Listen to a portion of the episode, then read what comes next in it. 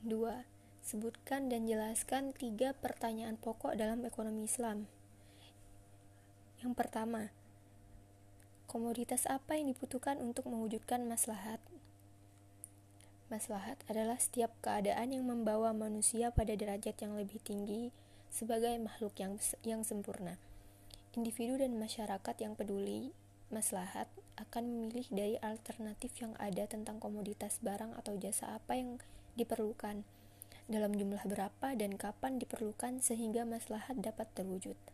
Pada dasarnya, sumber daya dapat digunakan untuk memenuhi berbagai keinginan dan kebutuhan manusia jadi, terdapat pilihan-pilihan alternatif pemanfaatan sumber daya. Ekonomi Islam akan memilih pemanfaatan sumber daya untuk berbagai komoditas yang benar-benar dibutuhkan untuk mencapai falah.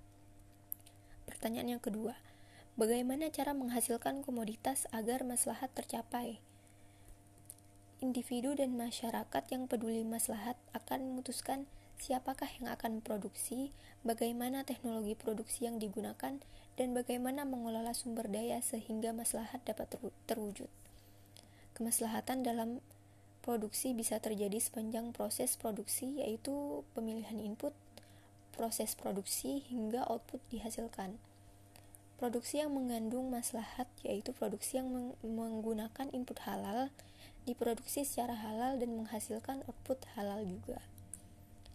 Pertanyaan yang ketiga, bagaimana komoditas didistribusikan agar tercapai kemaslahatan?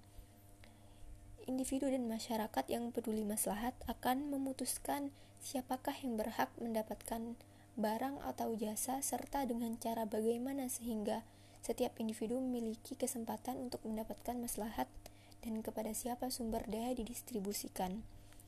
Nilai utama dalam distribusi komoditi yang sesuai Islam adalah keadilan dan menolong atau takaful, di mana sumber daya serta barang atau jasa didistribusikan kepada individu secara adil melalui mekanisme pasar ataupun metode kebajikan atau takaful.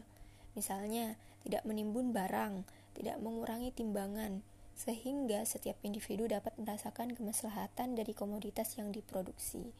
Distribusi dalam ekonomi Islam melalui mekanisme non-pasar di antaranya adalah penerapan sistem warisan, wasiat, hadiah, sedekah, pajak, dan wakaf.